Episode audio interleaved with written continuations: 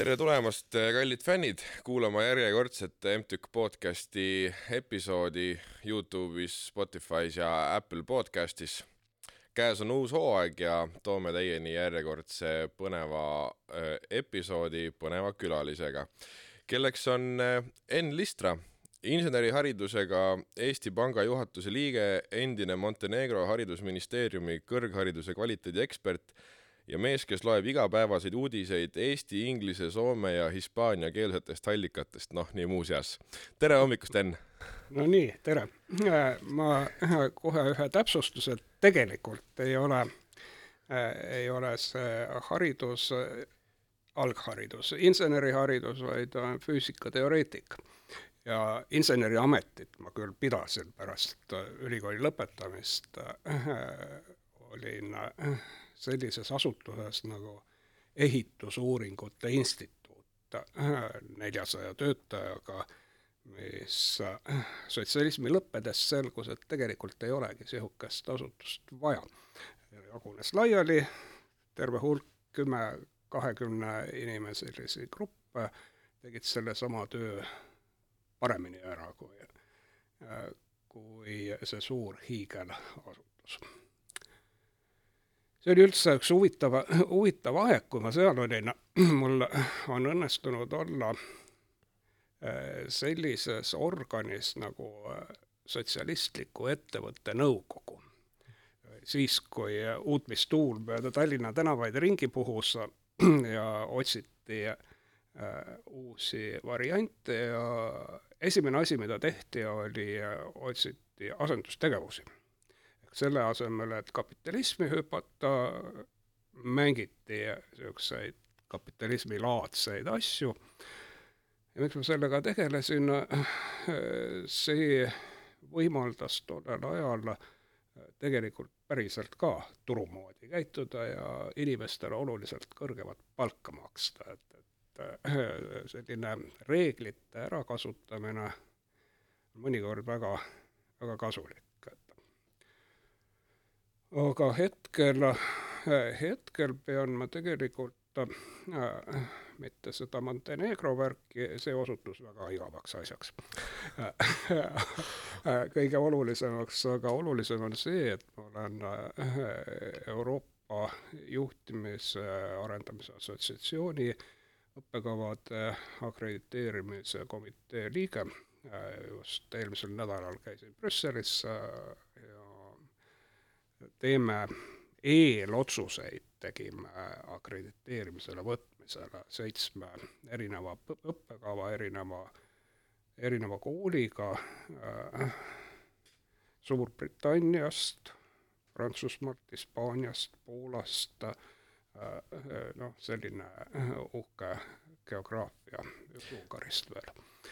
et, äh, et need võib-olla on nagu sellised enesetutvustuse lisandused. jaa, no me võtsimegi seda asja ette valmistades siin eh, teie CV lahti ja hakkasime uurima ja noh, mis seal salata, väga muljetavaldav. no enne kui me muude küsimuste juurde jõuame, siis selline viktoriini küsimus, et eh, kas sa ise ka tead, mitmes nõukogus sa oled?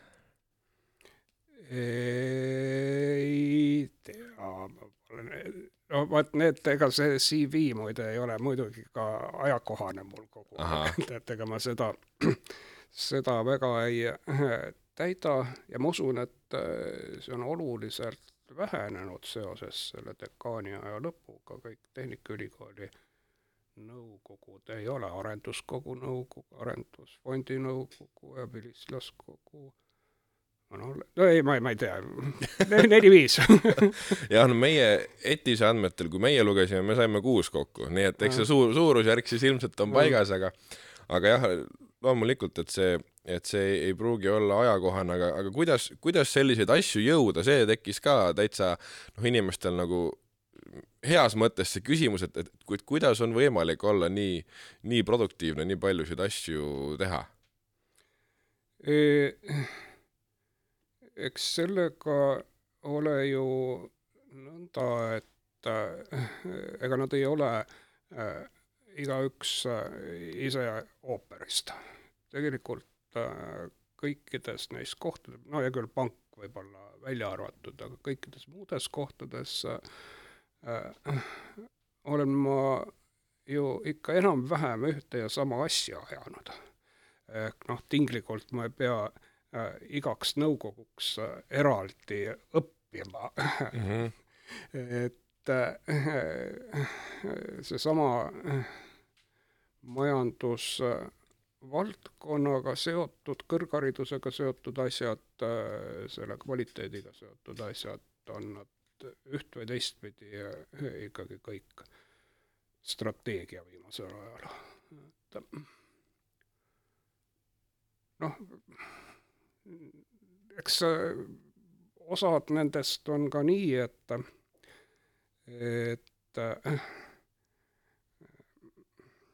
nagu ma ühele klassivennale kunagi selle samale küsimusele äh, vastasin, et, et noh, et no nii on läinud mm. -hmm. et ja, ja äh, kui sa korra endale juba mingi kohustuse võtad, äh, no siis vead.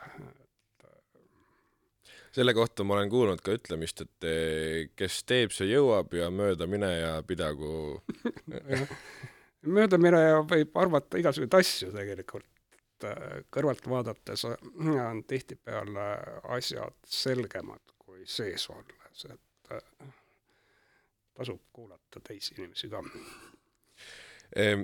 Nii sinu iseloom kui CV kui tegelikult juba see praegune sissejuhatav jutt, kõik viitavad sellele, et TalTech on rohkem kui töökoht, vähemalt sinu jaoks. sa mainisid hariduse kvaliteeti ja, ja seda äh, kooli strateegiat mida tähendab TalTech sinu jaoks? Vot, ega ma sedasi ei ole mõelnud kunagi, et mida, mida ta tähendab. aga noh, sedasi sõnast kinni võttes, TalTech kui eelmine rektor Jaak Aaviksoo Äh, selle mõttega välja tuli, äh, nõukogu saalis äh, oli juhtkonna koosolek ja ta noh, tegelikult sondeeris, et kuidas see, kuidas see lendaks, siis mina olin esimene dekaan, kes ütles, et jah, hakkab tegema. ja noh, minu jaoks oli seal nagu kaks asja Äh, olulised. üks äh, selline uue, mitte niivõrd nime kui, kui, kui ülikooli tähis või, või brändi äh, tekitamine minu jaoks tähendas sellist dünaamilisust, liikumist, uute asjade tegemist aga äh, teine oli seotud äh, majandusvaldkonnaga, majandusteaduskonnaga. Äh, kui me vaatame nüüd gloobusele, kõrgharidusele gloobuse peale, siis ja mõtleme, et, et millised on tõeliselt kovedad koolid ja mis nimesid nad kannavad erinevates riikides. Ja kui me äh, siis vaatame riikide kaupa, äh, milline ülikool on riigi noh, rankingute järgi kõige kobedam, ma konkreetselt vaatasin QS-i rankinguid äh, tol ajal, siis selgub, et on ainult kaheksa riiki maailmas, kus Tehnikaülikool on ühtlasi riigi kõige kobedam majandusülikool. Kaheksa, ega ma päris kõiki praegu hetkel ei mäleta, aga neli tükki on siinsamas, Soome, Eesti, Läti, Leedu, siis oli vist Hongkong, Mehhiko, Iisrael. Ja kaheksas tuleb praegu meelde. Aga see tähendas alati seda, et kui ma kusagil konverentsil teise dekaaniga teisest maailmanurgast rääkima hakkasin seda tutvustasin, siis ma pidin peaaegu kogu selle jutu mida ma just äsja rääkisin, talle üle rääkima. sest praktiliselt kõikides riikides öelda, et ma kuulun Tehnikaülikooli ja olen kõva majandustegija, ei kõla. selles riigis on teistmoodi. Selles riigis Tehnikaülikooli kuulumine majandusega üldjuhul tähendab seda, et, et riigis on parem kool olemas kui, kui see Tehnikaülikooli kool. Eestis on see teisiti.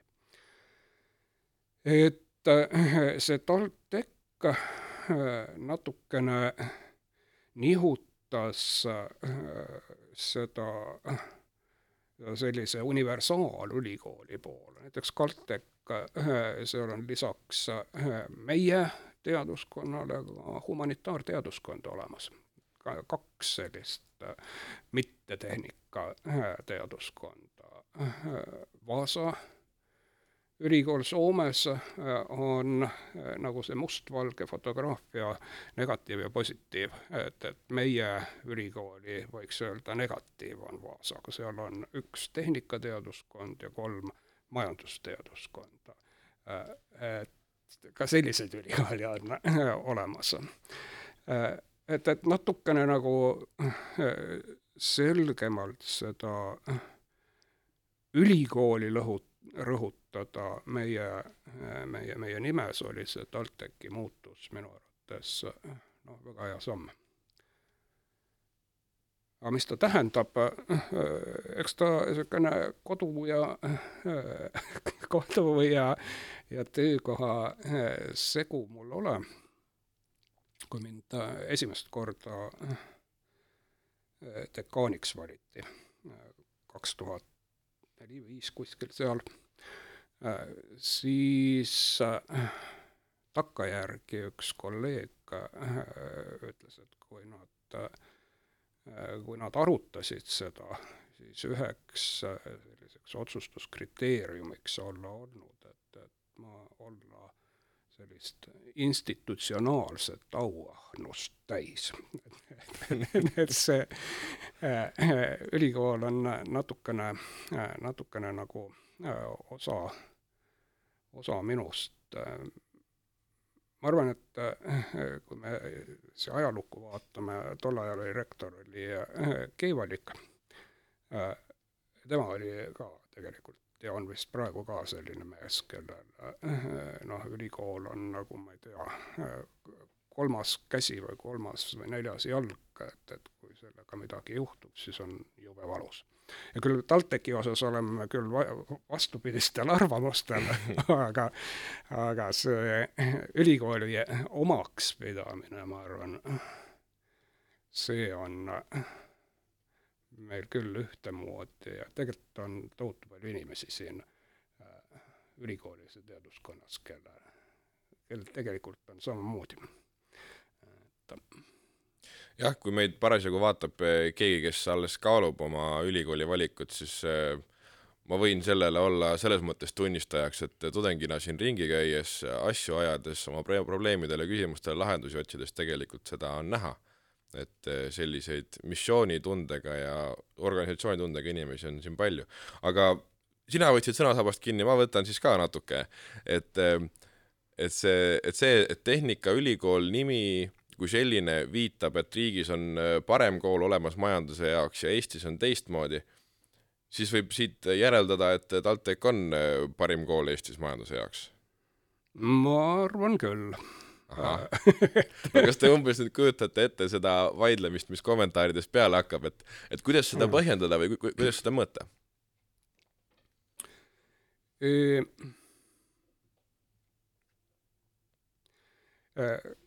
Hakkame peale kaaluga. kui me vaatame seda kõrgharidusmaastikku, äh, siis äh, ärinduse, võtame ärinduse ja halduse, kuigi meil on äh, noh, neli põhivaldkonda teaduskonnas, ärindus-haldus kõige suurem, selle õppekava gruppi õpetatakse praktiliselt igas asutuses, mis ennast kõrgkooliks peab. tegelikult on öelda päriselt arvesse tulevaid ikkagi ainult neli. oleme meie, on Tartu Ülikool, on EBS ja tegelikult ka Mainor. Kusjuures selle suuruse järgi on järjestus hoopis teistsugune, meie, Mainor, EBS, Tartu. Ehk meil teaduskonnas jämedalt kaks tuhat tudengit, praegu Tartus kuskil seitsmesaja, kaheksasaja vahel. Mainoris tuhat kolmsada, tuhat nelisada. EPS äh, koos Helsingiga üheksasaja tuhande vahel, Helsingis on neil mingi sada seitsekümmend äh, tudengit. nüüd äh, see suurus tähendab seda, et, et me tegelikult ainukesena pakume või, või katame enam-vähem kogu valdkonna, sest see mastaap väikene mastaap ei võimalda seda, et siis peab väga selgeid valikuid tegema, teen ühte, teist asja, aga kümmet teha ei saa.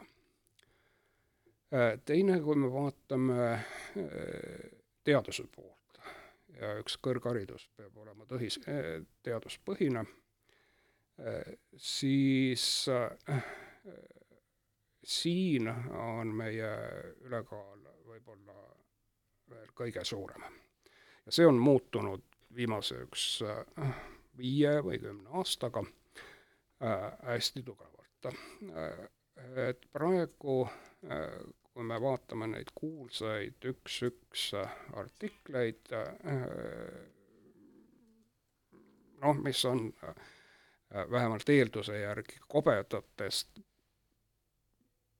jutumärkides väljamaistes äh, sellistes teadusajakirjades ilmunud, äh, siis äh, noh, meie kusagil poole, võib-olla isegi kaks kolmandikku kogu selle neliku teadusproduktsioonist teeme meie.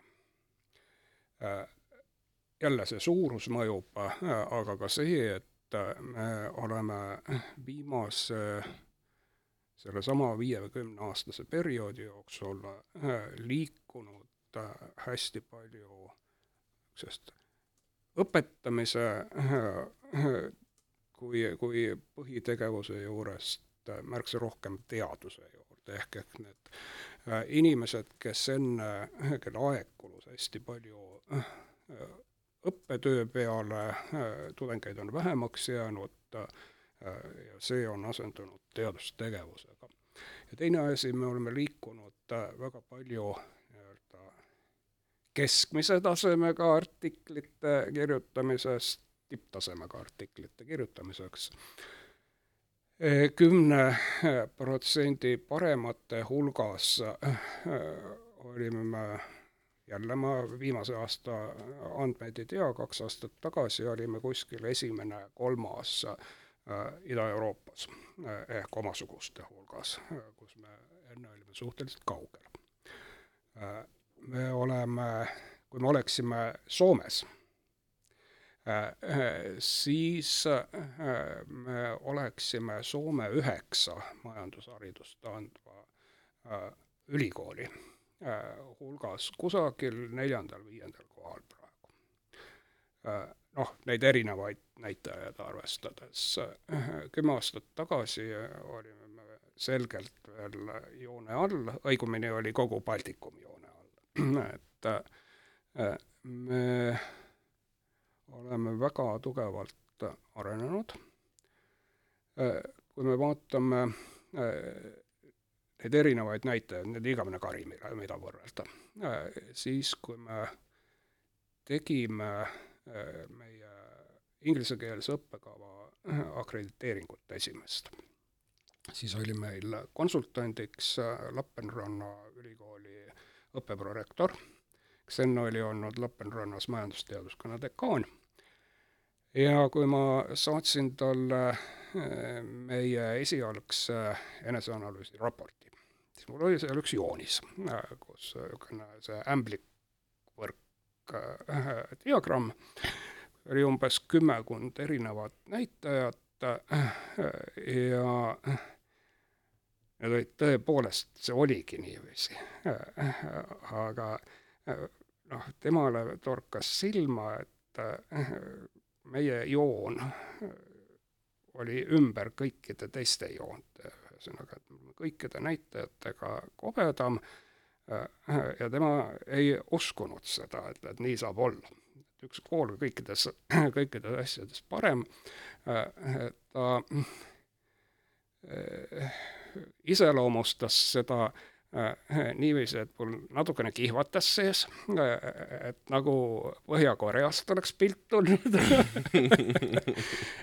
ja noh, siis ma mõeldes jälle sellele, et ega need komisjoni liikmed, kes tulevad, need võivad ju enam-vähem samamoodi äh, mõelda. ja siis ma tükk aega otsisin mingisugust näitajad, kaks tükki ma lõpuks leidsin, millega ma ühel sain EBS-i ja Tart-, teisel Tartu ühe nagu meist paremaks, et, et see pilt äh, nii ühte, ühte väravasse ei oleks. Äh, et äh, noh, see nagu seda turgu, natukene jutumärkides turgu, sest päris turgu meil hariduses ei ole, ikkagi võib-olla iseloomustab ja ütleb, et, et tegelikult tegelikult oleme päris kobedad. aga mis selle kobedus ah, üks asi veel. jah, jah. üks asi veel, äh, mis võib-olla on veel tähtsam, äh, ega äh, see on valdkond, kus nüüd tulevad, tuleb niisugune jutumärkides sõnadega, sõnadega lause kus äh, toode tuleb tellijamaterjalist. Äh, ehk tulemus sõltub väga palju sellest, kes astuvad sisse. ja sisse astuvad meile, no võiks öelda, et maailma tipu lähedal olevad inimesed. üks, kui me vaatame meie Eesti PISA testi tulemusi siis meie äh, keskkooli lõpetajad äh, on ikka noh, kambana vähemalt, sama suure kambana, kui neid üle maailma võrrelda samasuguste kampadega, täielik tipp. Äh, ja sellest me võtame esimese otsa. ehk lai matemaatika, ma ei mäleta, mis ta teie ajal oli, aga aga riita lahutada oskavad meie tudengid kõik väga hästi. et ja see tähendab seda, et, et see üks neist kõrghariduse komponentidest või see, mille te endaga siit kaasa saate, võrgustik, sõbrad, kellega te siin igasuguseid asju koos teete, kellega te koos õpite, ülesandeid lahendate, pidu panete need on samasugused. Äh, ja kahekümne aasta pärast äh, märkate te, et äh, äriplaani konverentsil, Äripäeva omal, noh, mõnel on juba kõhukene küll ees, hakkab, mõnel hakkab habemesse vaikselt halli tulema, eks ole, tuttavad on seal. et, et see, see on, ma arvan, üks hästi oluline komponent sellel meie, meie teaduskonna äh, tudengiks olemisel. ma ise just võlgutasin äh, mõtteid selle teemal, et, et äh, mis see edu pant on olnud, sest okei okay,, tore, et me oleme kirjutanud rohkem teadusartikleid ja, ja meid on siin natukene suurem arv kui, kui teistes koolides ja ja nii edasi, aga, aga kuidas see ikkagi tuleb, sest noh, kui, kui vaadata, ega mina võrdlesin ka nii siin kui, kui Tartus seda majanduse lävendit ja see oli, see oli sarnane ja kui ma päris nagu juuksekarva hakkasin lõhki ajama, siis Tartus sai vist või, või mulle vähemalt tundus, oli grammi võrra isegi nagu raskem justkui sisse Tartus saada. oli, Tartus on nagu kahene see, neil on selline automaatse sissesaamise lävend on kõrgem, aga selle taga on veel ala, kus on nii-öelda pingerea järgi sissesaamine, et see, milline see osa on, ehk see tagumine ots, see moodustub iga aasta ise? võib, jah, on isemoodi ja, ja, ja võib-olla äh, nii-öelda meie omast võib-olla madalam, mis tähendab, et nende tudengite või tudengigrupi heterogeensus on suurem kui meie omad. Kui kui tudengigruppi kuuluvad inimesed on väga erinevad, siis on jube raske õpetada.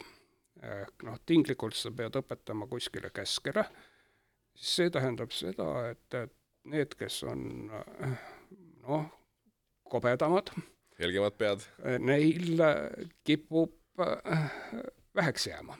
Noh, et, et sa ei paku neile piisavalt.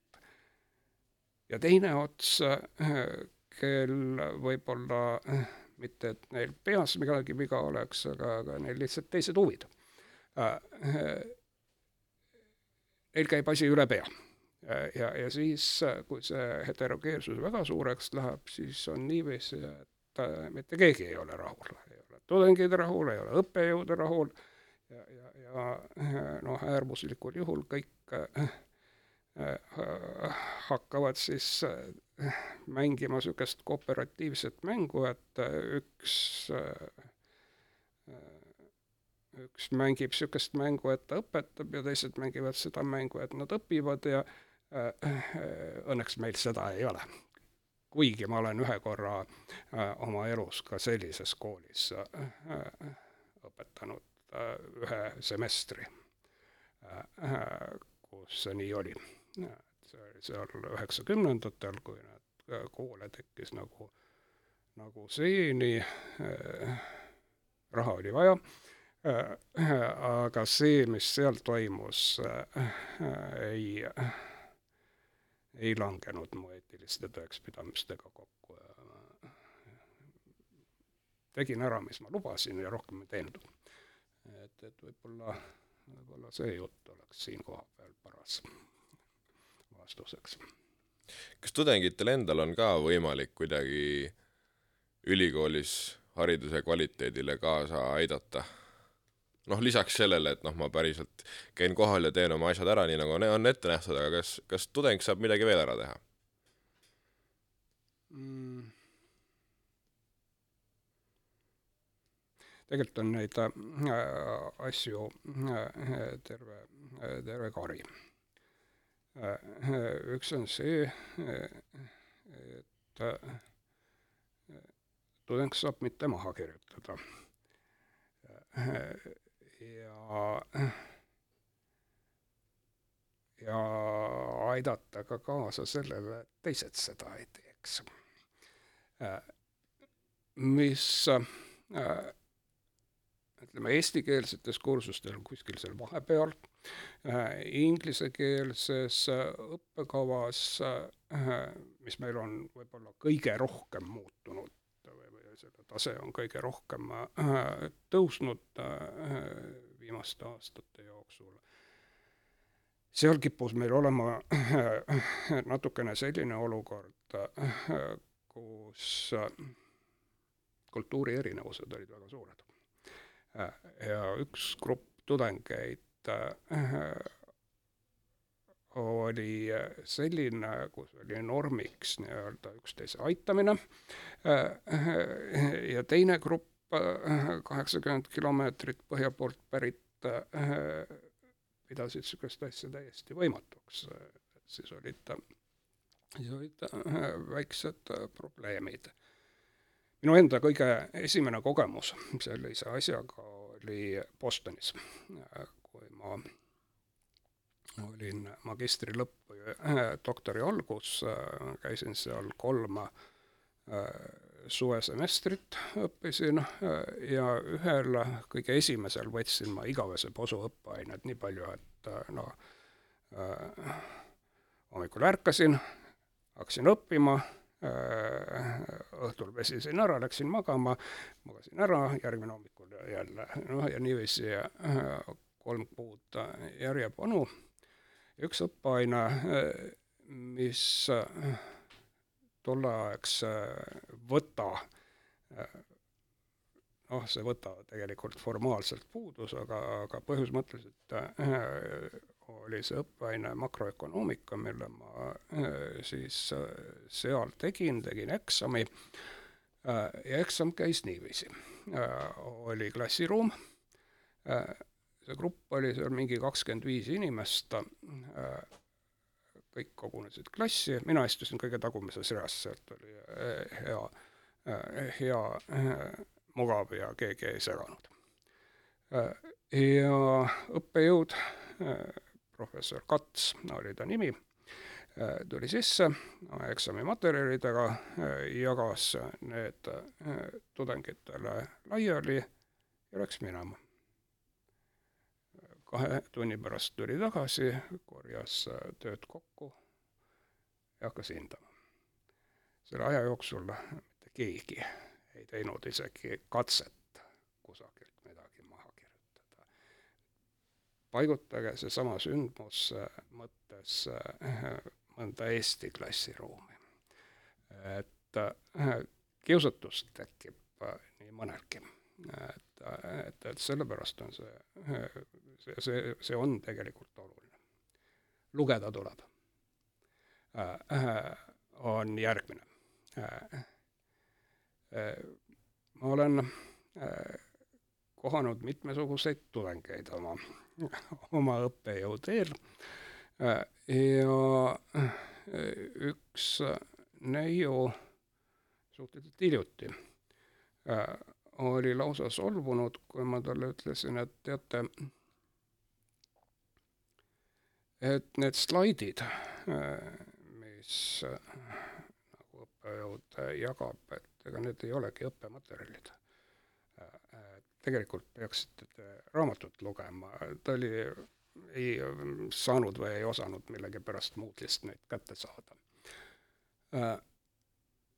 see tõstab kindlasti, kindlasti õpetamise või selle tulemuse taset, no ma kujutan ette, et üks kobe, kobe õpik niisugune nelisada, viissada lehekülge, äh, kuue äh, ainepunkti oma äh, viis korda kuus kolmkümmend semestris kaks tuhat lehekülge peaks läbi lugema, aru saama, meelde jätma, täis sodima.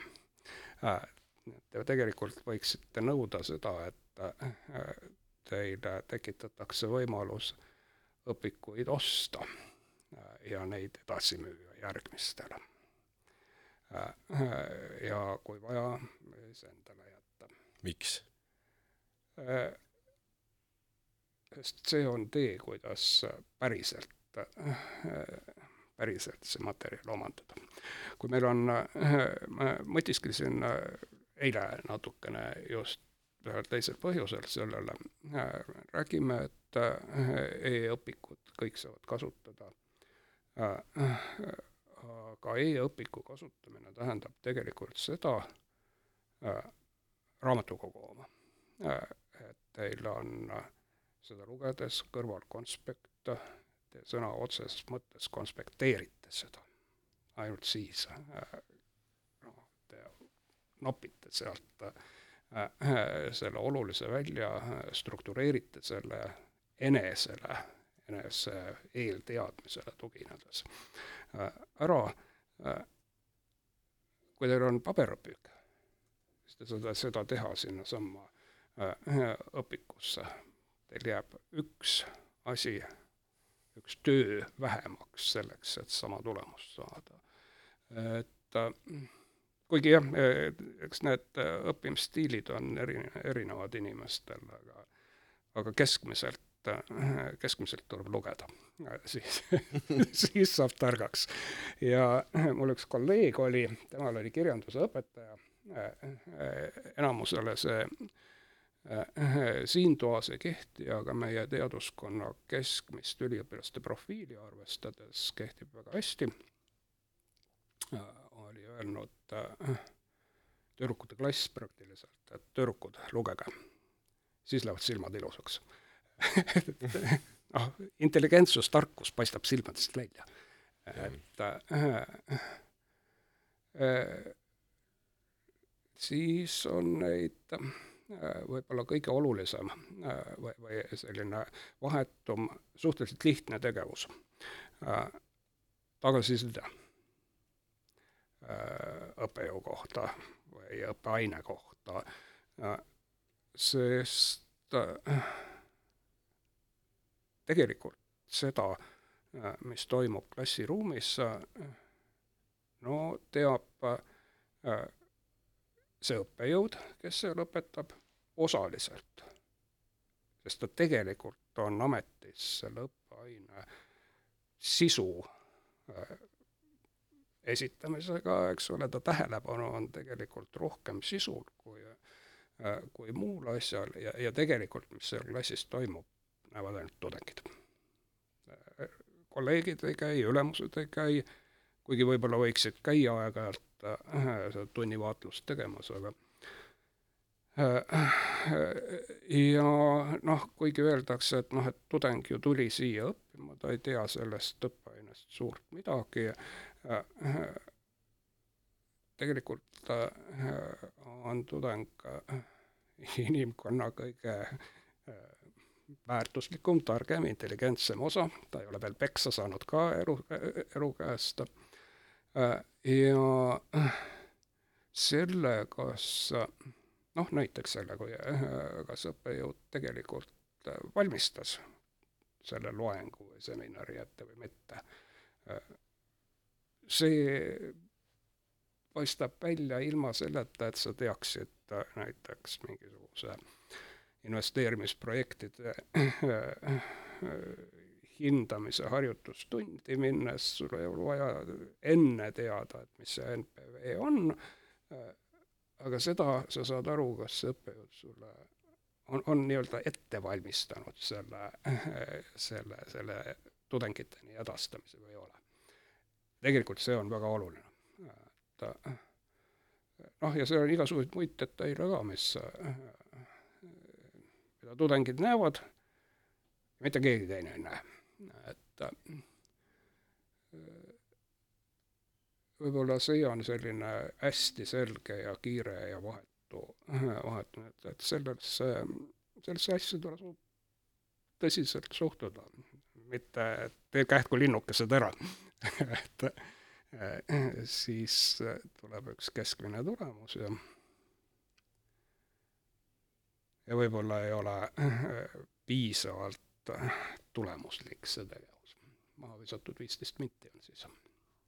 jah mm,. Te olite dekaan tegelikult juba siis teist korda, nagu me sealtsamast eh, CV-st välja uurisime, ja siis te tulite dekaani koha pealt ära ja siis oli kandideerimine kevadel kuidas teie elu on muutunud, kui te enam ei ole parasjagu äh, dekaan ja, ja mis see, milline see töö TalTechis välja näeb igapäevaselt? kui ma äh, nüüd seda siia äh, tagasi mõtlen, eks ole, see on suht lähiminevik, see dekaani kohast loobumine, siis mul on äh, noh, ma ei tea, sellised kümneaastased perioodid olnud. esimene kümme aastat äh, töötasin ma äh, insenerina äh, ja uurisin pinnaste omadusi selleks, et optimaalsed vundamendid projekteerida üks objekt muide oli äh, umbes selle, äh, sellesama maja äh, kohal, ma ei mäleta, mis selle rohelise konna asemel taheti siis ehitada. nüüd järgmine kümme aastat noh, hästi tinglikult läks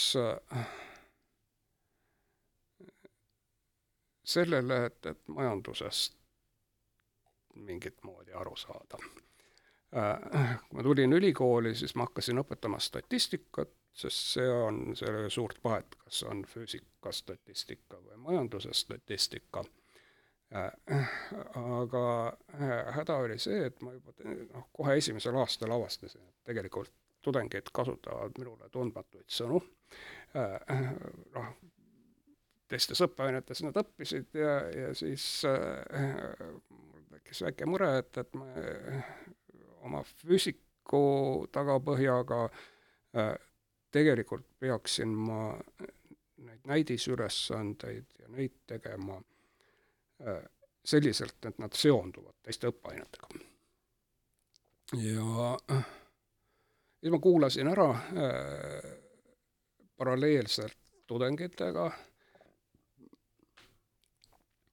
põhiõppeained, noh, sisuliselt nagu bakamajanduse majanduse kursuse noh, kuni selleni välja, et, et mul oli kaks järjestikust loengut ühes ja samas klassiruumis ühe ja sama tudengite grupiga, kus ma esimeses istusin koos nendega ja kuulasin teist õppejõudu ja järgmises läksin, hakkasin neid tudengeid õpetama.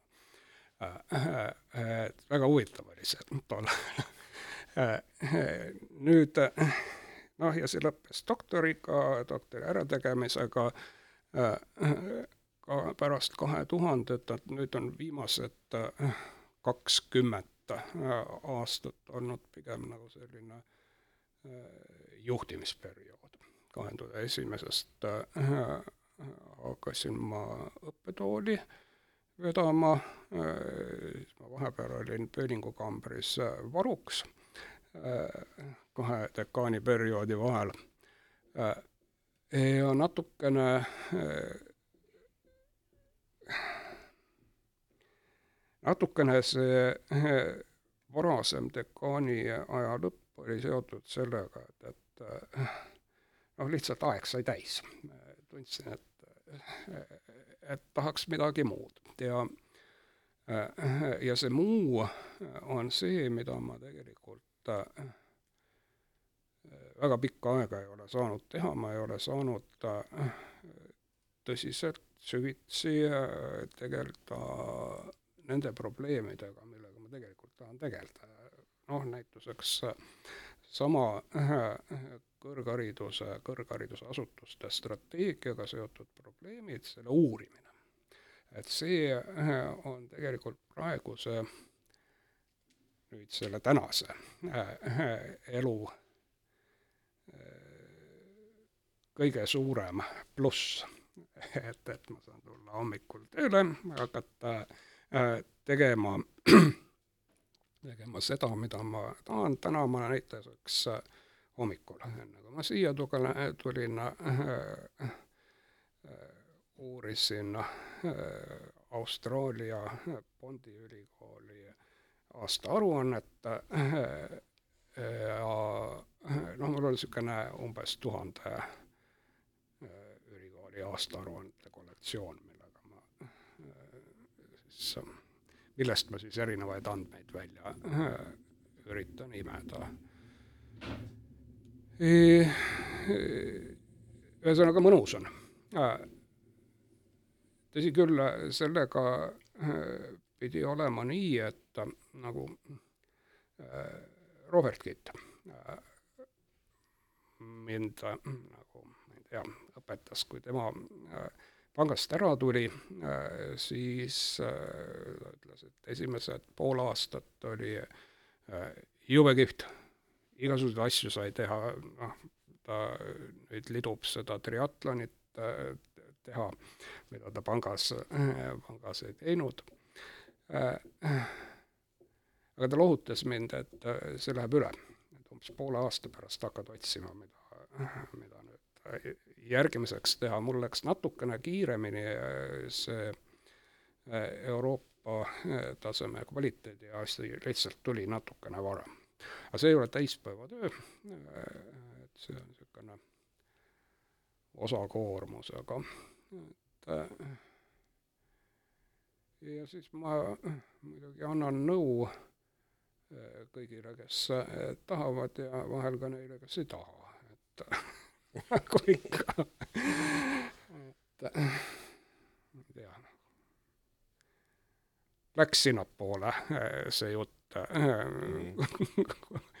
mis küsimus oli tegelikult me tahtsimegi teada, et eh, mis ajendas sinna poliitikasse minema? no siit käis juba korraks, käis juba korraks läbi, et noh, tahaks tegeleda nende asjadega, millega tahaks tegeleda ja ja siin enne valimisi käis meil ju ka eh, ülikoolis oli see debatt, kus räägiti haridusest ja peamiselt selle rahastamisest, mitte võib-olla nii palju strateegiast, noh oli see jutt, et kas peaks riigilt raha juurde küsima või peaks hakkama tudengitelt raha küsima või peaks erasektorit kaasama ja siis käis selline selline üksteise söö-, söödu jagamine, aga, aga just seda strateegia poolt oli seal pigem nagu vähem, aga, aga mis, mis, mis oli see ajend, et, et, et poliitikasse kandideerida? no ega ma ju väga poliitikas ei ole. Et päris äh,, päris täpse olla äh,. ma, see oli jälle terve rida erinevaid äh,, erinevaid äh, põhjuseid äh, ja õigupoolest ega ma äh, veel su suve alguses, juuni alguses, isegi ei mõelnud sellele, siis äh, juuni umbes jaanipäeval sain ma ühe, ühe emaili, äh, millele ma väga ei reageerinud, aga see hakkas nagu suvel äh, mõtteid suunama natukene. ja õigupoolest siis kuskil augustis alles ma suhtlesin mõne inimesega, konkreetselt Reformierakonnast, ja selle tulemus nüüd oligi siis see, see kandideerimise otsus oli nagu niisugune tehniline äh, rida. Äh, noh, tegelikult tulemusliku kandideerimise jaoks oleks tulnud see otsus teha üks paar aastat varem. Äh, et, et see oli natukene tormumine, aga minu nagu selline sisemine põhjus oli võib-olla see, see, et, et tegelikult on meil sinna poliitikasse sellist korrastatud mõtlemist hädasti vaja. Just asjaga tegemist, mitte inimestega tegelemist siis üksteisele mürjutamist ja, ja poriloopimist ei ole nagu vähem vaja. et see pool nagu Äh, oli üks põhjus, teine äh, ega kui me vaatame nüüd äh, seda meie poliitmaastikku, siis seal on hästi palju inimesi, kellel on küll üks mingisugune konkreetne eriala selja taga, mõned küll ei ole kunagi sel erialal töötanud, aga, aga nad tegelevad kõigega. Ja tihtipeale selle kõigega niiviisi, et neil ei ole aega olnud asjast ülevaadet saada. ehk need argumendid on, soomlastel on üks hea termin, mutuargumendid. mulle tundub mm. -hmm. ja noh, tegelikult see võiks seal nagu muutuda, et tegelikult rohkem ikkagi sellist andmepõhist otsustamist või andmete arvestamist vähemalt, tunnistamist, et andmed on tegelikult olemas, on ka juba kõva samm edasi mõne, mõnikord, et see pool, teine on selline suur võib-olla ideoloogilist laadi asi, seega määras, noh, hea küll, ma sinnakanti maailma ilmavaatega olen kogu aeg olnud, aga määras ka selle erakonna valiku niisugune sõna nagu liberalism. Ja siis on meil hulk inimesi, kes arvavad ja kõva häälega räägivad, milline ropp asi see on Äh, tegelikult tähendab see ju vabadust. ja äh, noh, sellistes suurtes sõnades äh, see vabadus, vabaduse kaitsmise mõte oli osa sellest kandideerimisest.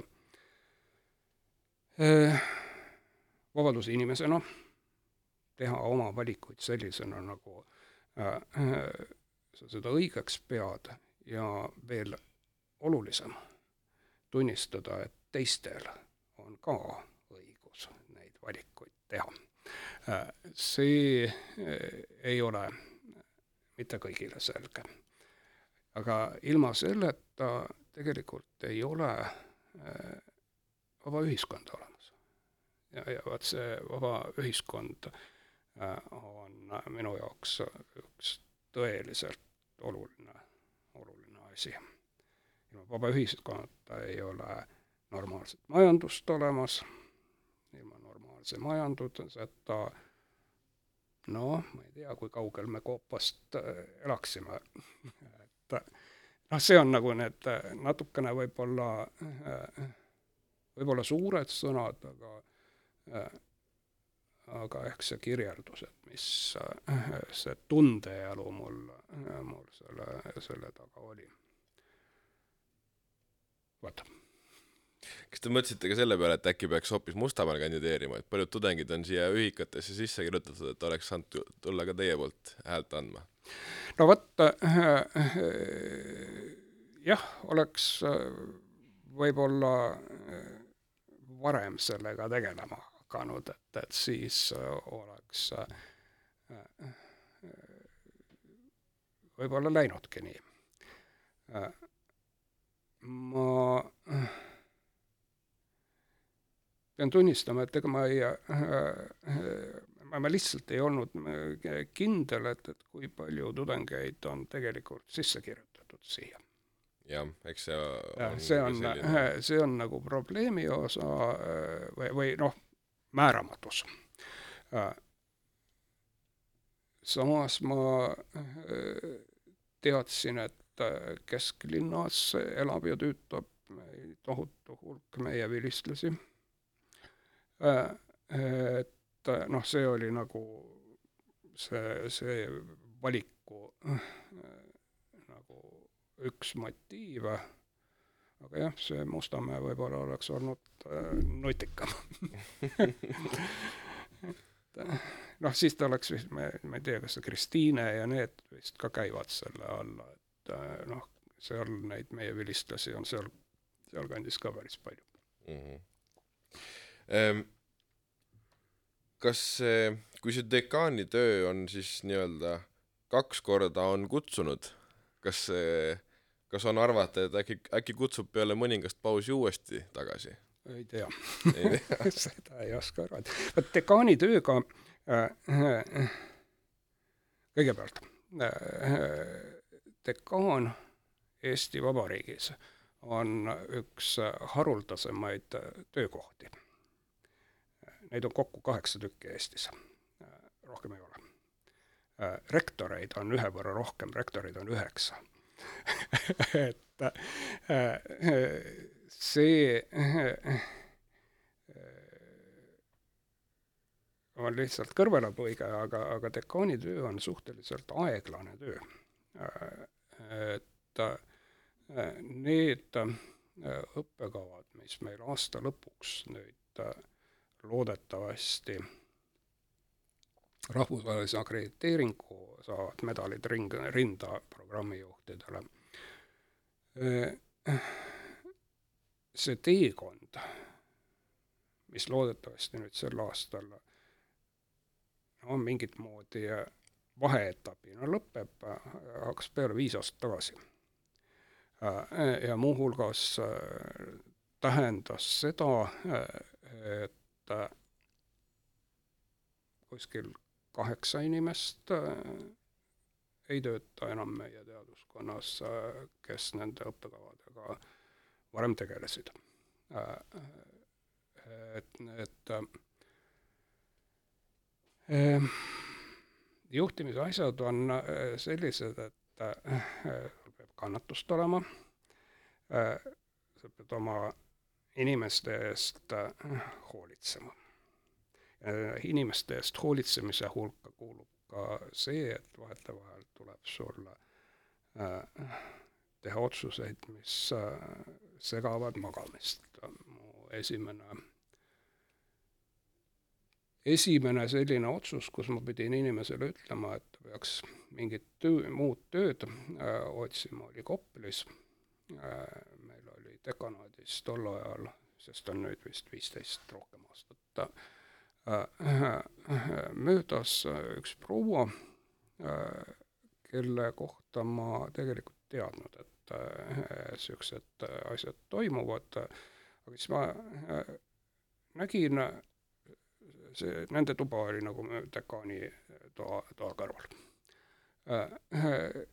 nägin korduvalt, et mingid tudengid kõgelevad seal koridori peal ja vahel piiluvad ukse vahelt sisse ja aga, aga dekanat sisse ei lähe.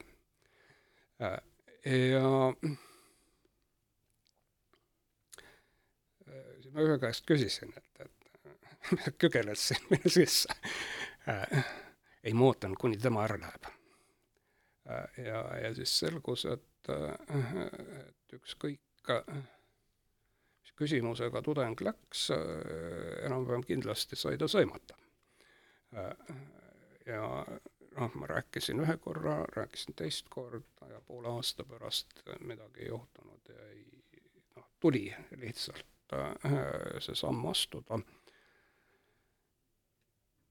aga lõppkokkuvõttes oli see hoolitsus teiste inimeste eest, tudengite eest eelkõige.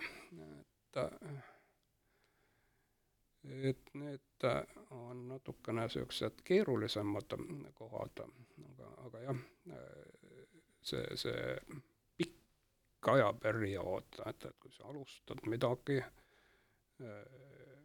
siis need muutused võtavad aega. ja üks põhjus, miks nad aega võtavad, on see, et inimesi tuleb veenda. see mõte äh, mitte ainult dekaani mõtteks jätta, vaid ka teiste inimeste mõtteks muuta.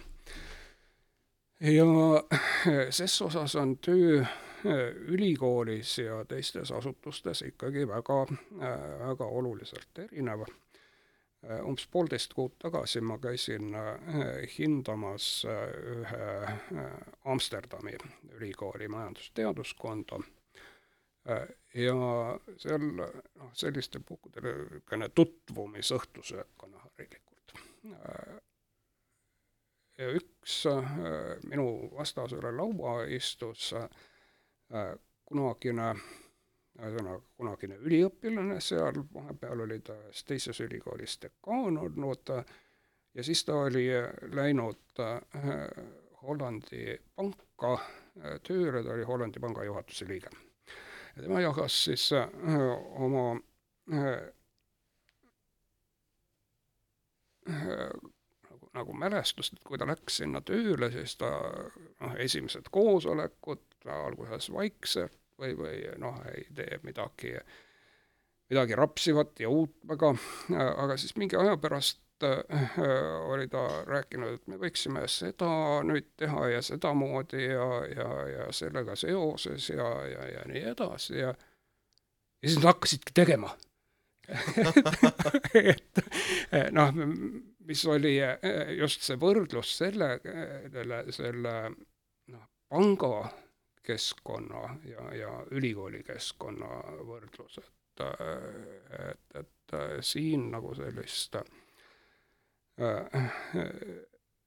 olukord ei ole, et, et arvamus voolab hierarhiliselt lihtsalt allapoole ja kõik võtavad seda arvesse ja seal on oma kindla või omad kindlad põhjused. ma arvan, et näiteks ülikooli strateegia periood muutub mõne aja pärast märksa pikemaks, meil on praegu kahekümne viienda aastani strateegia, mis kinnitati kuskil natukene aega tagasi, tegelikult niisugune kolmeaastane jupp Äh, inimeste elust. Kui ma ei eksi, Helsingi ülikoolil on kahe tuhande kolmekümnendani. Äh, ehk äh, Skandinaavias paljudel ülikoolidel just viimasel ajal on sellised kümneaastased strateegiaperioodid tekkinud. ja sellel on oma, oma kindel põhjus. kui me vaatame nüüd ühte akadeemilist inimest, kes siin töötab, ja kui ta hakkab mingisugust uurimust tegema, noh, kõigepealt siin sisse lugema, siis ta peab kuskilt võib-olla raha hankima, siis ta peab andmeid koguma, siis ta peab töötlema, mingid kaastöötajad kokku leppima ja pärast seda mõtet, et sellega võiks tegeleda viie aasta pärast, ilmub siis võib-olla hakkavad nagu need artiklid selle, selle pealt erinema. ehk siis äh, selline eh, strateegiline enesejuhtimine on seda tüüpi asutuses üks väga oluline osa. ja, ja, ja kui nüüd see üks konkreetne inimene planeerib oma elu, ta tegelikult ei mõtle võib-olla alati, et see on nüüd viie aasta otsus, mida ta teeb, aga tegelikult ta teeb viie aasta otsuse. Siis meil ei saa olla niiviisi, et me jääme ülikooliga või teaduskonnaga paari aastat strateegia juurde peame märksa pikema, pikema perioodi võtma ja, ja, ja see on nüüd see üks äh, osa sellest äh, strateegilisest juhtimisest, äh, ajaline dimensioon. teine dimensioon on selline agregeerimisdimensioon. See on nüüd hierarhiaga seotud, aga see hierarhia ei ole mitte see, et, et et üleval keegi äh, valgustatud monarh äh, arvab ja siis kõik teised äh, õnnelikult täidavad. et see hierarhia on pigem, pigem see, et, et on selge, milliseid otsuseid, milliste küsimustega tegeldakse erinevatel tasemetel. ja kui need on paika pandud, siis ei segata neid tasemeid ära et see on võib-olla üks koht, kus meil ka veel arenguruumi on organisatsioonina. aga, aga see on nüüd hästi palju just seotud või tuleneb sellest samast, et, see äh, ülikooli taseme autonoomia, mis meil on põhiseaduses kirjas ja tegelikult akadeemiline vabadus inimese tasemel, akadeemilise inimese tasemel, see on ka põhiseaduses kirjas, küll täp-, mitte täpselt samade sõnadega ta on, eks ole, et, et teadus ja ja, ja äh, õpetamine äh, on vabad, eks ole, umbes selliselt, aga sisuliselt ütleb see akadeemiline vabadus. ja neid ei saa äh, selliselt ühildada, et, et meil on autonoomne ülikool siin tipus, kes äh, teeb nagu ühe, ühed mingisugused otsused ja siis see voolab otsusena alla, et me peame äh, pigem äh, mõtlema sellises Mintsbergi maailmas, kus tema tuli välja ideega, et, et strateegiat ei olegi vaja tegelikult alati kirja panna strateegia on äh, nagu selline teerada suure hulga otsuste seas ehk suund. ja selgeks võib saada ta tihtipeale saada mitte ette, vaid taha vaadates. selgub, et selliselt strateegiliselt see ettevõte äh, või organisatsioon liikus ja, ja ja vot ülikoolid on täpselt sellised, mis peavad kusagil siin vahepeal olema, meil peab olema mingisugused äh, suunad mingi suur suund, noh, et me seepi näiteks keetma ei hakka. ja, ja see peab jätma piisavalt suure vabaduse neil akadeemilistel inimestel areneda ja oma programme ellu viia, et, et see on niisugune tasakaalustamise, tasakaalustamise ülesanne. vot nii. Selle vabaduse koha pealt eh, ma tuleks tagasi ühe varasema lausejupi juurde, et et käis läbi, et noh, et Eestis ei ole hariduses nii-öelda turgu. Ja nüüd oli just, käis läbi, et noh, et ülikool on, ülikool on vaba ja akadeemiline vabadus nagu madalamatel tasemetel ka. Ja, ja noh, mõnes mõttes räägiti turust meil siin ka koolis sellel debatil, kui räägiti sellest eh, hariduse nagu rahastamisest, et, et kas hariduses peaks olema turg või mil, mil moel või mil määral? Ehm, selle, selle küsimusega on asi keeruline. Ja, ja peale peaks hakkama sealt, et mis see turg on. Ja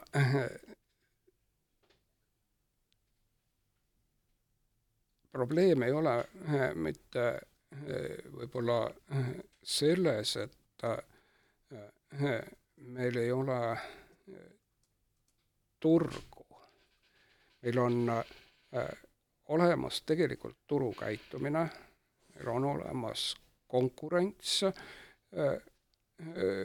ülikoolide vahel aga see on natukene samamoodi, kui see konkurents oli olemas või, või see turg oli olemas äh, tegelikult äh, nelikümmend aastat tagasi. Nõukogude Liidus. kõik räägivad, et turgu ei olnud. tegelikult olid turuelemendid seal olemas, kui inimesed läksid poodi, äh, noh, poest väga palju ei olnud, oli doktorivorst, oli mingi päts leiba, mingisugused, mingisugused asjad aga tegelikult tegi ta ostes, oma rahakoti sisu arvestades, otsustused ikkagi eelistele, oma eelistele tuginedes, niisamuti nagu praegu. vahe on ainult selles, et, et et, et see konkurents ei läinud, ulatunud ettevõteteni. see oli konkurents selle pagana leivapätsi pärast, mis poes juhtus olema. ja noh, ega selles kõrghariduses on ka natukene, et, et, et noh, mingid elemendid on olemas sellest turust või konkurentsist ja mingid ei ole. noh, üks valik või üks teema on kõrghariduses olemasolev, väidetavalt olemasolev ja kole dubleerimine noh, miks pagana pärast õpetatakse ühte ja sama asja mitme koha peal? küsitakse, eks ole. aga selle dubleerimise lõpetamine tähendab ju igasuguse konkurentsi kadumist. samamoodi võiks küsida, et no miks pagana pärast meil on vaja SEB-d ja Swedbanka. pangu leivad ühte kappi ja äh, hoiavad kõvasti kulusid kokku. mõlemal eraldi juhtkonnad, eks ole, peamees ja siis on neid juhtkonna liikmeid terve kari ja ometi laenu saab ju mõlemast, eks ole. ja just nimelt, mingit vahet. aga millegipärast me seda juttu ei räägi, dubleerivad ju. Ja, ja põhjus on see, et ikkagi seda konkurentsi on hädasti vaja, võib-olla kõige äh, Äh, selline selgem äh, tunnistus sellest no jutumärkides dubleerimisvõimaluse kasulikkusest on meie Nurkse instituut. Äh, kui neil kunagi Rainer Kattelil, kui tema oleks pidanud minema tol ajal olemasolevatesse analoogilise asja tegemistesse, siis äh, seda, seda asja ei oleks olemas võib-olla praegu. tal tekkis võimalus tolleaegses sotsiaalteaduskonnas äh, alustada nii-öelda tühjalt kohalt äh, uue, uue asja tegemist. Ilma, et seal oleks tohutu hulk erinevaid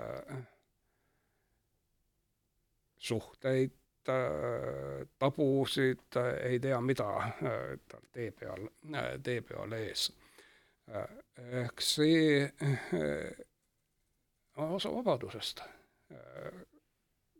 sama, et, et on äh, võimalus, äh, võimalus äh, alustada uut asja ja, ja seda teha, mul muide läks küsimus vahepeal meelest ära. et kas hariduses, kas hariduses peaks olema turg või, või millisel määral Aa. või, või mis moel mm -hmm. või? turg. E vastus on nüüd selline, mis võib-olla tudengile ei meeldi kui me mõtleme sellest, mida et äh, kobedad organisatsioonid teevad, siis nad loovad väärtust. ja teine asi, mis on strateegiliselt väga oluline, või teine küsimus on see, et kuidas see väärtus jaguneb. kes viljad sööb. Ja kui me kõrgharidust vaatame, siis sellel on hästi oluline selline avaliku kauba komponent, eks ole, see kõik, mida te siin omandate,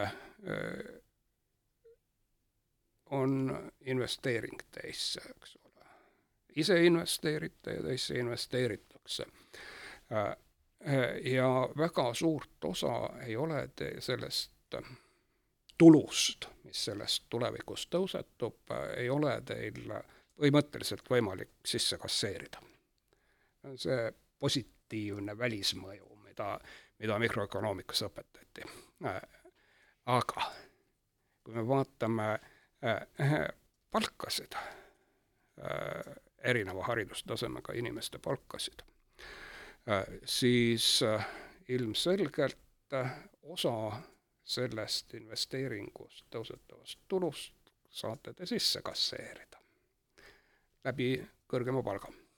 ehk tegelikult äh, on see äh, nüüd puht majandusterminites selle peale vaadates äh, mingisugune,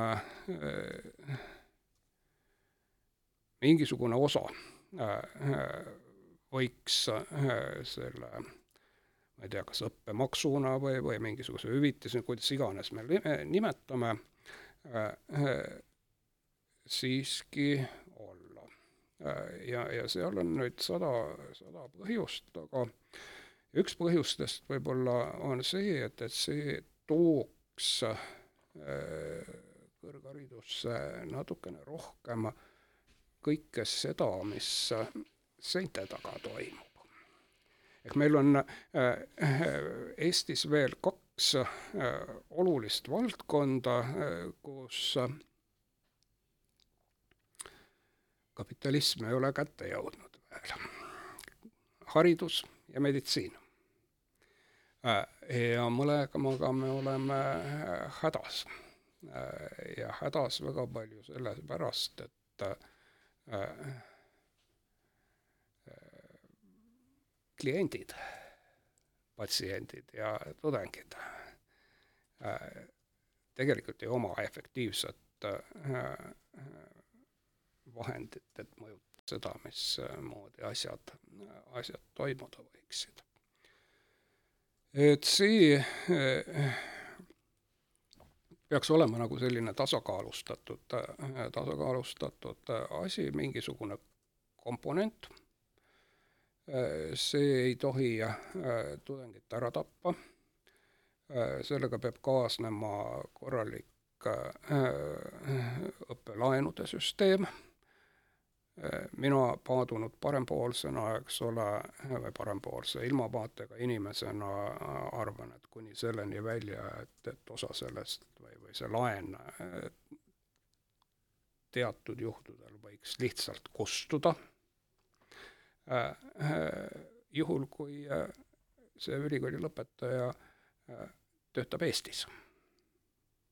teatud aja näiteks? jah, teatud aja, noh, mingi viie või kümne aasta jooksul lihtsalt kustub see laen.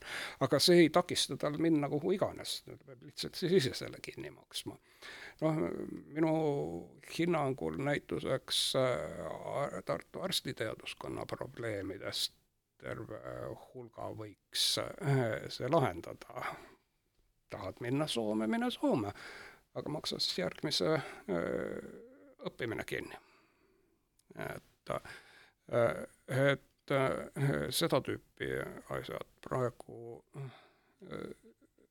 eriti see näide on see, kus nii-öelda avalik hüvis pöördub isiklikuks kasuks, avalik hüvis Eestis pöördub isiklikuks kasuks Soomes, et äh, ei ole nagu päris äh, tasakaalus äh,, tasakaalus need asjad. Ja, ja jälle nüüd ma hüppan sellisesse natukene suuremasse, süsteemsemasse äh, vaatesse äh, äh, alati tekivad probleemid, kui meil on äh, ühes ja samas süsteemis ühiskonnas alasüsteemid, mis toimetavad erinevate reeglite siis tekivad niisugused asjad nagu rendiotsing, ka mikroökonoomikas jälle õpetati, no mis tähendab lihtsalt, et äh, sa omis-, omastad midagi, mis äh, võib-olla lõpuni järgi mõeldes ei peaks sinu omastada olema.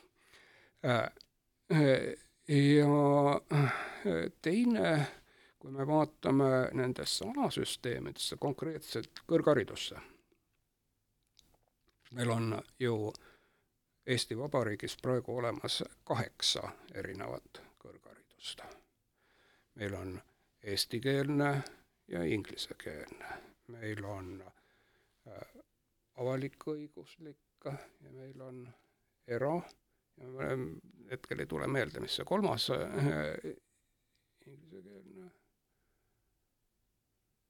igatahes äh, kolmas on ka ja äh, kaks kuubis, kaheksa. kõikidel nendel on erinevad reeglid. Äh, ja me räägime, et me arendame Eesti kõrgharidust. ja nende reeglite ühtlustamine saab olla ainult majandusmehhanismide ühtlustamise kaudu. see on jälle muidugi ka niisugune probleemne Äh, tegevus, sest äh, ma võrdlen erinevaid kõrghariduse pakkujaid ka meie valdkonnas, äh, siis jälle pöördudes selle teaduspõhisuse poole, kui teaduspõhine saab olla kõrgharidus, juhul kui selle pakkuja teadusproduktsioon kogukoolina ulatub kümne artiklini aastas. et, et need pooled lõpuni läbi mõelda ja tegelikult toimiva süsteemina käima lükata, see ei ole niiviisi, et mõeldud-tehtud. aga, aga mingi selline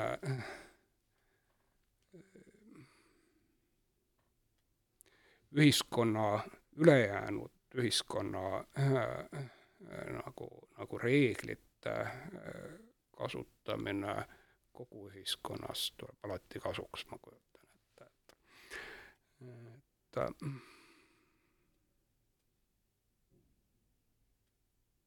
jah, midagi taolist. Jah, ma ise just, ma jõudsin juba siia kiiresti konspekteerida ka, et, et kindlasti on, on neid, kes kohe esimese vastuargumendina äh, ütlevad välja selle huvitava sõna, et kallis on ju, et kui, kui haridusse ja meditsiini pole kapitalism jõudnud ja siis peaks jõudma, noh, kõigil on väga-väga lihtne seda valusat näidet tuua, noh, Ameerika näide nii haridusest kui meditsiinist, aga, aga üks osa on tõesti see, see õppemaksu osa, mis te ütlesitegi, et, et peab olema tasakaalustatud ja ei tohi tudengil üle jõu käia ja, ja, ja kodu, kodumaal ja. töötades peaks ka järk-järgult kustuma ja nii edasi, aga, aga ka see on väga oluline, et, et nii-öelda kliendid ehk siis tudengid siin näites ei, ei oma seda efektiivset vahendit mõjutada, mõjutada, mis toimub, et et jah, et, et kui sellesse noh, kuidas me siis viisakalt ütleme, madalama kvaliteediga ülikooli või, või mõnda muusse haridusasutusse lihtsalt ei minda, sellepärast et, et ei ole huvi, siis, siis tegelikult see võimaldab või nii-öelda sunnib arenema ja, ja paranema teistel. see on tegelikult sellise terve konkurentsi äh, tekkimise või tekitamise küsimus, et aga aga, aga see ei ole selline asi, mida saab, et istume, istume maha või teeme valimiskampaania ja siis järgmisel aastal võtame vastava seaduse vastu. ma kujutan ette, et sellise asja tegemine võiks aega võtta üks viis kuni kümme aastat, et see korralikult ette valmistada omavahel inimestega äh,, tudengitega äh,, õppejõududega äh,, see kõik äh, ära rääkida äh,, igatahes üks paar-kolm korda äh, rohkem võiks aega kulutada kui tasuta kõrghariduse sisseviimisele, et et see käis liiga kähku, et ja õppejõududel on Äh, õigus äh, kõikide nende asjade juures kaasa rääkida, sest äh, me tihtipeale siin räägime, et me oleme eriline organisatsioon ja me väga selgelt ei ütle välja, miks me see eriline oleme. ja eriline me oleme jälle selle selle õppejõudude, teadurite, akadeemiliste inimeste erilise situatsiooni poolt. nüüd, kui me hakkame mõtlema, kes õigupoolest on isiklikult teinud investeeringu mõnda Eesti ülikooli, Tehnikaülikooli või Tartu Ülikooli või Tallinna Ülikooli või kuhu iganes Äh, siis äh, need on õppejõud. noh, kümme aastat vähemalt läheb äh, aega, kümme aastat tööd selle konkreetse inimese poolt, läheb aega selleks, et tast üks kobe õppejõud saaks. ja seal on küll kaks komponenti, üks on see investeering iseendasse, see, mida teie siin ka suures suures plaanis teete, aga, aga teine on äh, asi, mida nimetatakse organisatsiooni spetsiifiliseks investeeringuks inimkapitali. ja see on asi, äh, mida teevad õppejõud. Ehk, ehk sellesse ülikooli päriselt konkreetsete inimestena on majanduslikult investeerinud õppejõud. riik annab raha, kulude katteks, aga inimest riik ei tee. ja see tekitab sellise äh, legitiimse õiguse äh, tahta äh,, et äh,, et nende, nende inimeste poolt õiguse äh, tahta, et, et nende arvamust, nende vajadusi arvestatakse ja kuulatakse, et, et Äh, et see on tegelikult see, mis selle äh, organisatsiooni eriliseks muudab, pluss see, millest ma enne rääkisin, see äh, pidev strateegiline enesejuhtimine perioodiga tinglikult viis aastat ettepoole, et et noh, ei saa ju noh, ega seda Tehnikaülikooliga muidugi ei saa juhtuda, küll juhtus siin mõnede teiste koolidega kunagi, et sa teed oma vinge viieaastase teadusuuringu projekti valmis ja ups, kolme aasta pärast ülikooli polegi enam. et äh, selliseid juhuseid Eestis ka juhtus kunagi. Ott ähm,. Käis läbi äh, korraks välistudengite teema ja sellel samal äh, kevadisel debatil, kus räägiti kõrghariduse rahastusest, seal ka üks kandidaat väga tõi, tõi välja selle, et noh, et välistudengid ja meie siin rahastame õpet ja nii ja naa, et, et see oli noh, see oli nagu selline suur ja keerukas probleem, aga kui me jätame selle poole kõrvale ja võtame seda nende noh, kas nüüd integreerimist, nende ühildamist, nende kaasamist, kuidas, kuidas seda peaks tegema rohkem ja paremini ja kas selles on igal tudengil ka oma roll või ei ole? lõhkuge see sein sealt maha ahah, no tegelikult see on meil koosolekute ruum, et, et me oleme, me oleme siin äh, või tehke sinna vähemalt uks. Seal äh, järgmine tuba on inglisekeelsete tudengite tuba ju. aa, et pärast seda klaasseina, see järgmine sein, ja, ja, ja. just nimelt. Et äh, e, see inglisekeelsed tudengid ja tegelikult selle taga ülikooli rahvusvahelisus on väga olulised. hakkame peale Eestist. kui me vaatame milline on Eesti majanduse struktuur. võrdleme, ma ei tea, Eestit Suurbritannia ja ole. Eesti äh, majandusel võtame ekspordi-impordi, lööme kokku, jagame SKP-ga, äh, saame selgelt ühest suurema numbri.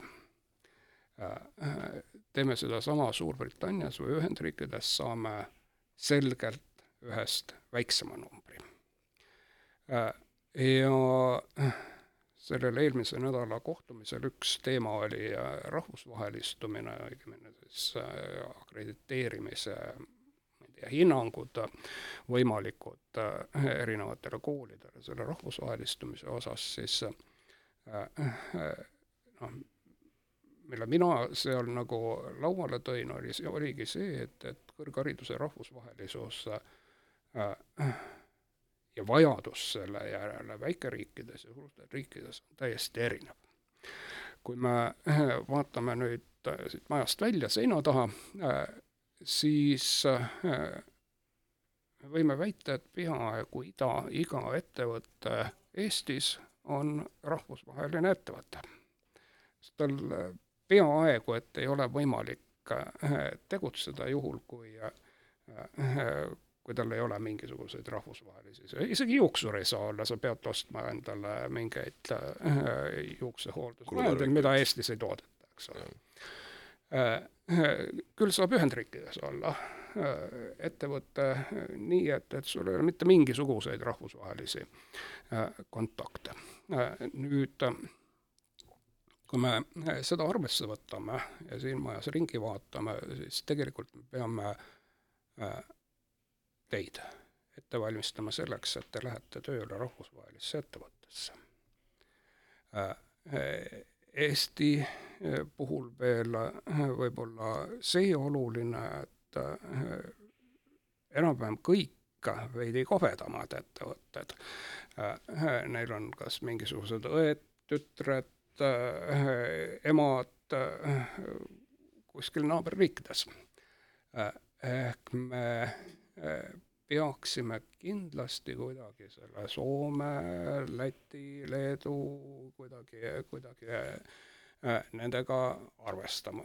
ja nüüd ma jõuan otsaga äh, Lätti, kus väga pikka aega äh,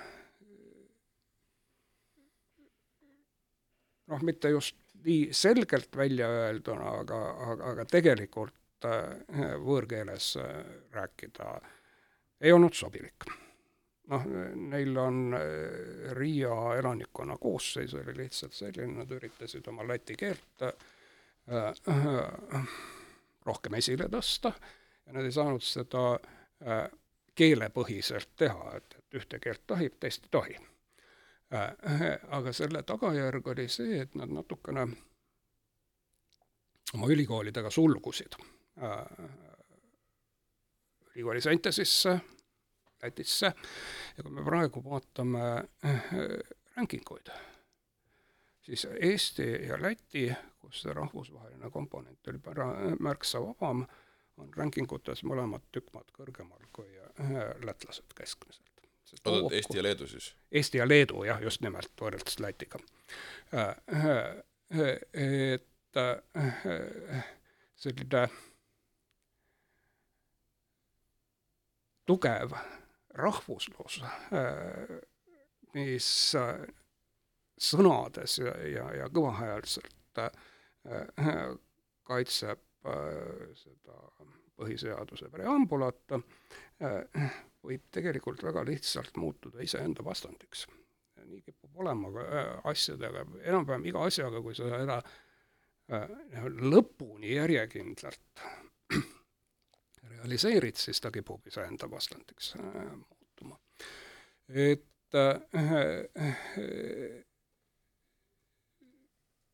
teine milles me ei jõudnud veel sinna, kuhu me oleksime võinud jõuda, on ühesõnaga selle jutu nagu, nagu see mõte on see, et, et õpetamise käigus või õppimise käigus peaksite te saama kätte piisava rahvusvahelise kogemuse. Peate olema pärast lõpetamist valmis töötama mingit moodi rahvusvahelises keskkonnas Äh, ja, ja see on asi, äh, kus meil äh, veel on veidikene arenguruumi eestikeelse baka osas näiteks. kuigi seal on ka nüüd tekitatud see olukord, kus meil see inglisekeelse baka ja eestikeelse baka neli peaharjula tegelikult langevad kokku.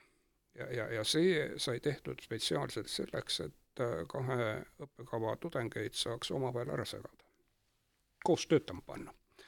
et noh, kaks asja, üks, sellega me hõlmaksime need inglisekeelsed tudengid, kellest saavad muide vilistlased, kes töötavad, vähemalt pooled või rohkemad neist töötavad oma koduriigis, näituseks kaheksakümne kilomeetri kauguses kellega, kui äh, ülikooli ajal oleks juba tutvus, oleks seesama kahekümne aasta efekt, eks ole, äh, loodud. Äh, ja teine seesama, et, et koos töötades saate selle erineva kultuuritaustaga inimestega töötamise kogemuse kätte, mida ilma, et selleks peaks kuskile äh, ma ei tea kuhu, teise Euroopa nurka sõitma Barcelonasse päikest võtma või midagi muud taolist tegema. et ma arvan, et see äh, inglisekeelsete äh, või inglisekeelsuse kartmine on äh, ikka, ikka väga äh,, väga ülepingutatud äh, ilmselgelt noh, see jutt, et kui me inglise keeles õpetame, siis peaks olema võimalik ka eesti keeles sama valdkonda õppida, mõistlik. Aga kui me vaatame jälle näiteks, mis sellest välja võib tulla, siis Aalto ülikoolis majandusteaduskonnas, kui ma ei eksi, oli seal vist kuusteist magistrikava ärinduse halduse ja õiguse õppekava grupis või, või valdkond, mis iganes ta on. ja neil on need magistrikavad enamuses inglisekeelsed, täpsemalt kõik majanduse kavad on inglisekeelsed ja siis on neil äriõiguse õppekava, mis on soomekeelne. ja noh, sellega nad täidavad selle normi ära aga inglisekeelse magistriõppega täidavad nad ära selle, et ka Soome majandus on väga rahvusvaheline.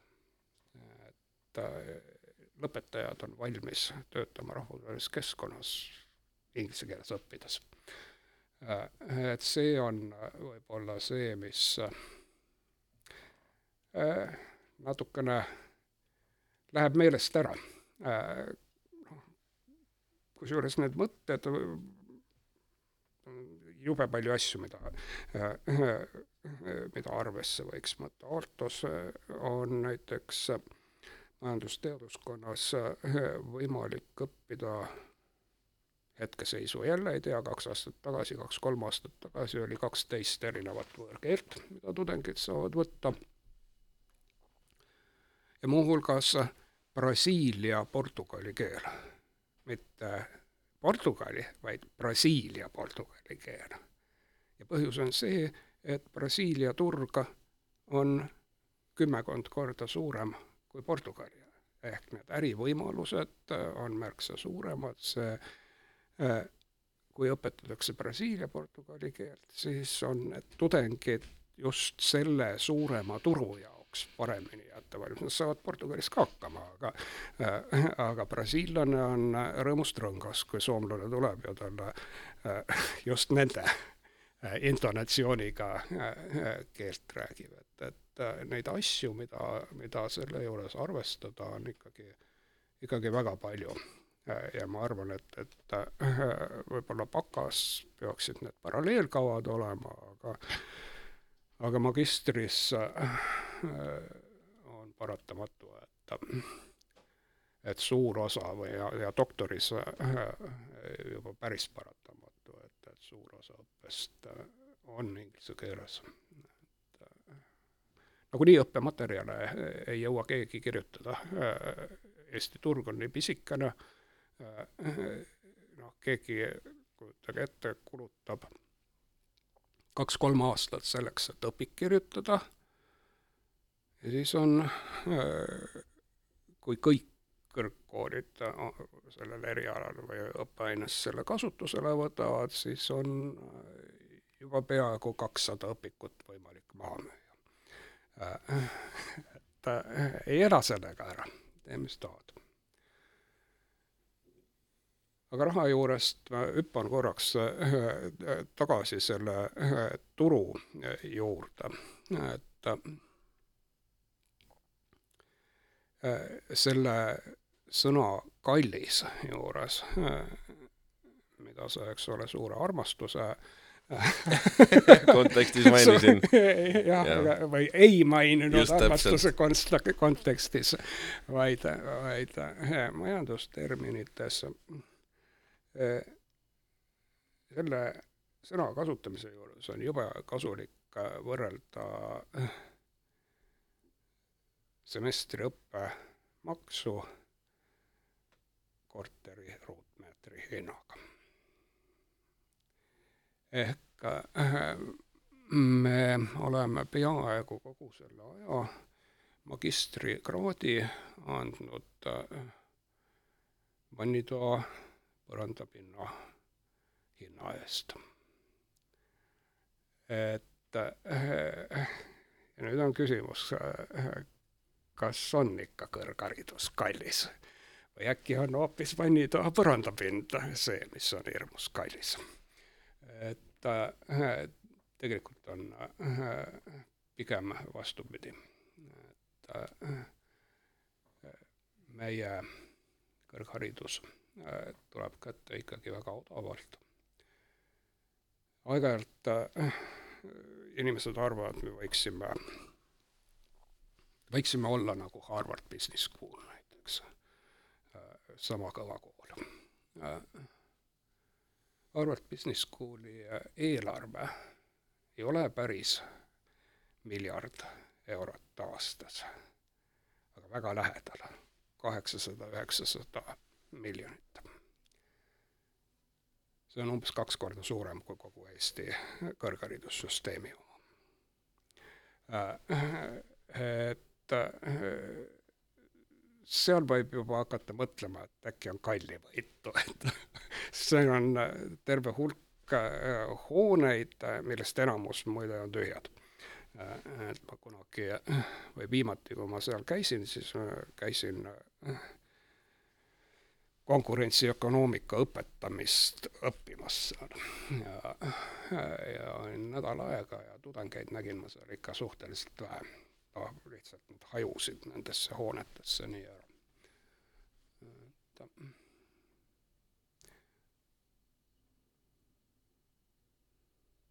jah. nii, aga nüüd on meil selline traditsiooniline lõpuküsimus siia veel jäänud mida me oleme küsinud juba päris pikka aega kõikide külaliste käest. nimelt, kui juhtuks selline asi, et eh, teile kukuks täna sülle miljon eurot, siis eh, mis selle rahaga peaks peale hakkama? teie enda oma, mitte mõne asutuse oma, vaid teie, noh, teile endale kukub sülle niisugune summa? miljoniga me ei tea, sada milli tuleks, siis ma, siis ma juba teaks paremini, aga äh, saja milli puhul ma äh, paneksin kümme siia majja aga ja, ja mis ma ülejäänuga ette võtaks, seda ma, seda ma ei pajata praegu. aga miljon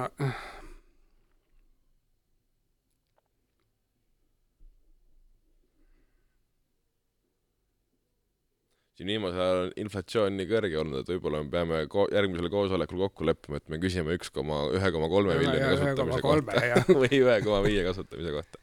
aga jah, kene küll, formaat on see, et ikkagi üks ja kuus nulli. no jämedalt jah, üks, üks milli.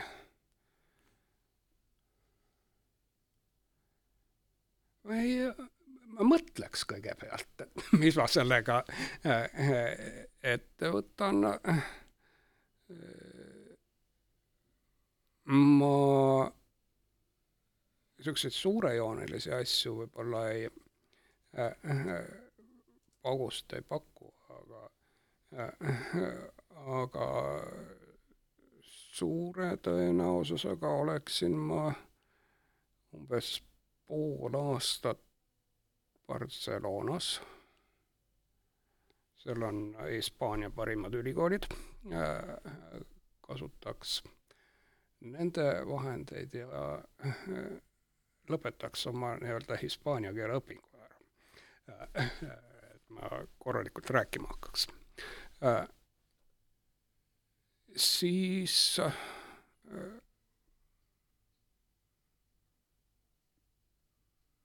mul on perekonnas üks probleem, äh, mis nõuab äh, oma osa.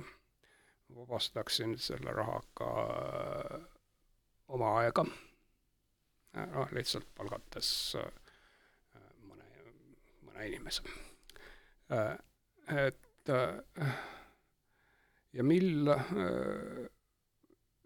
suure tõenäosusega ma teeksin siiski vähemalt ühe või kaks tippi ka et, et see päris palju, palju raha sedasi ootamatult äh, ja nagu ma ütlesin, et, et see siin on natukene,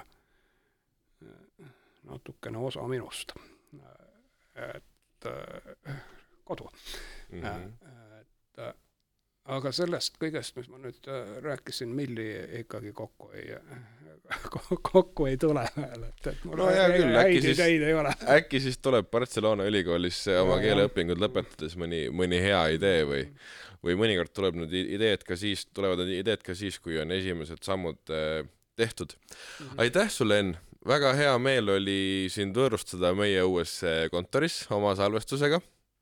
oli äh, põnev, noh, isegi natuke rohkem kui poolteist tundi ja kes teab, äkki kohtume mikri taga veel ja kui mikri taga ei kohtu, siis eh, mõne muu koha peal ikka. ikka. just nimelt, me kavatsesid kuskile kolida selline sai siis uue hooaja esimene episood ja kohtume juba järgmises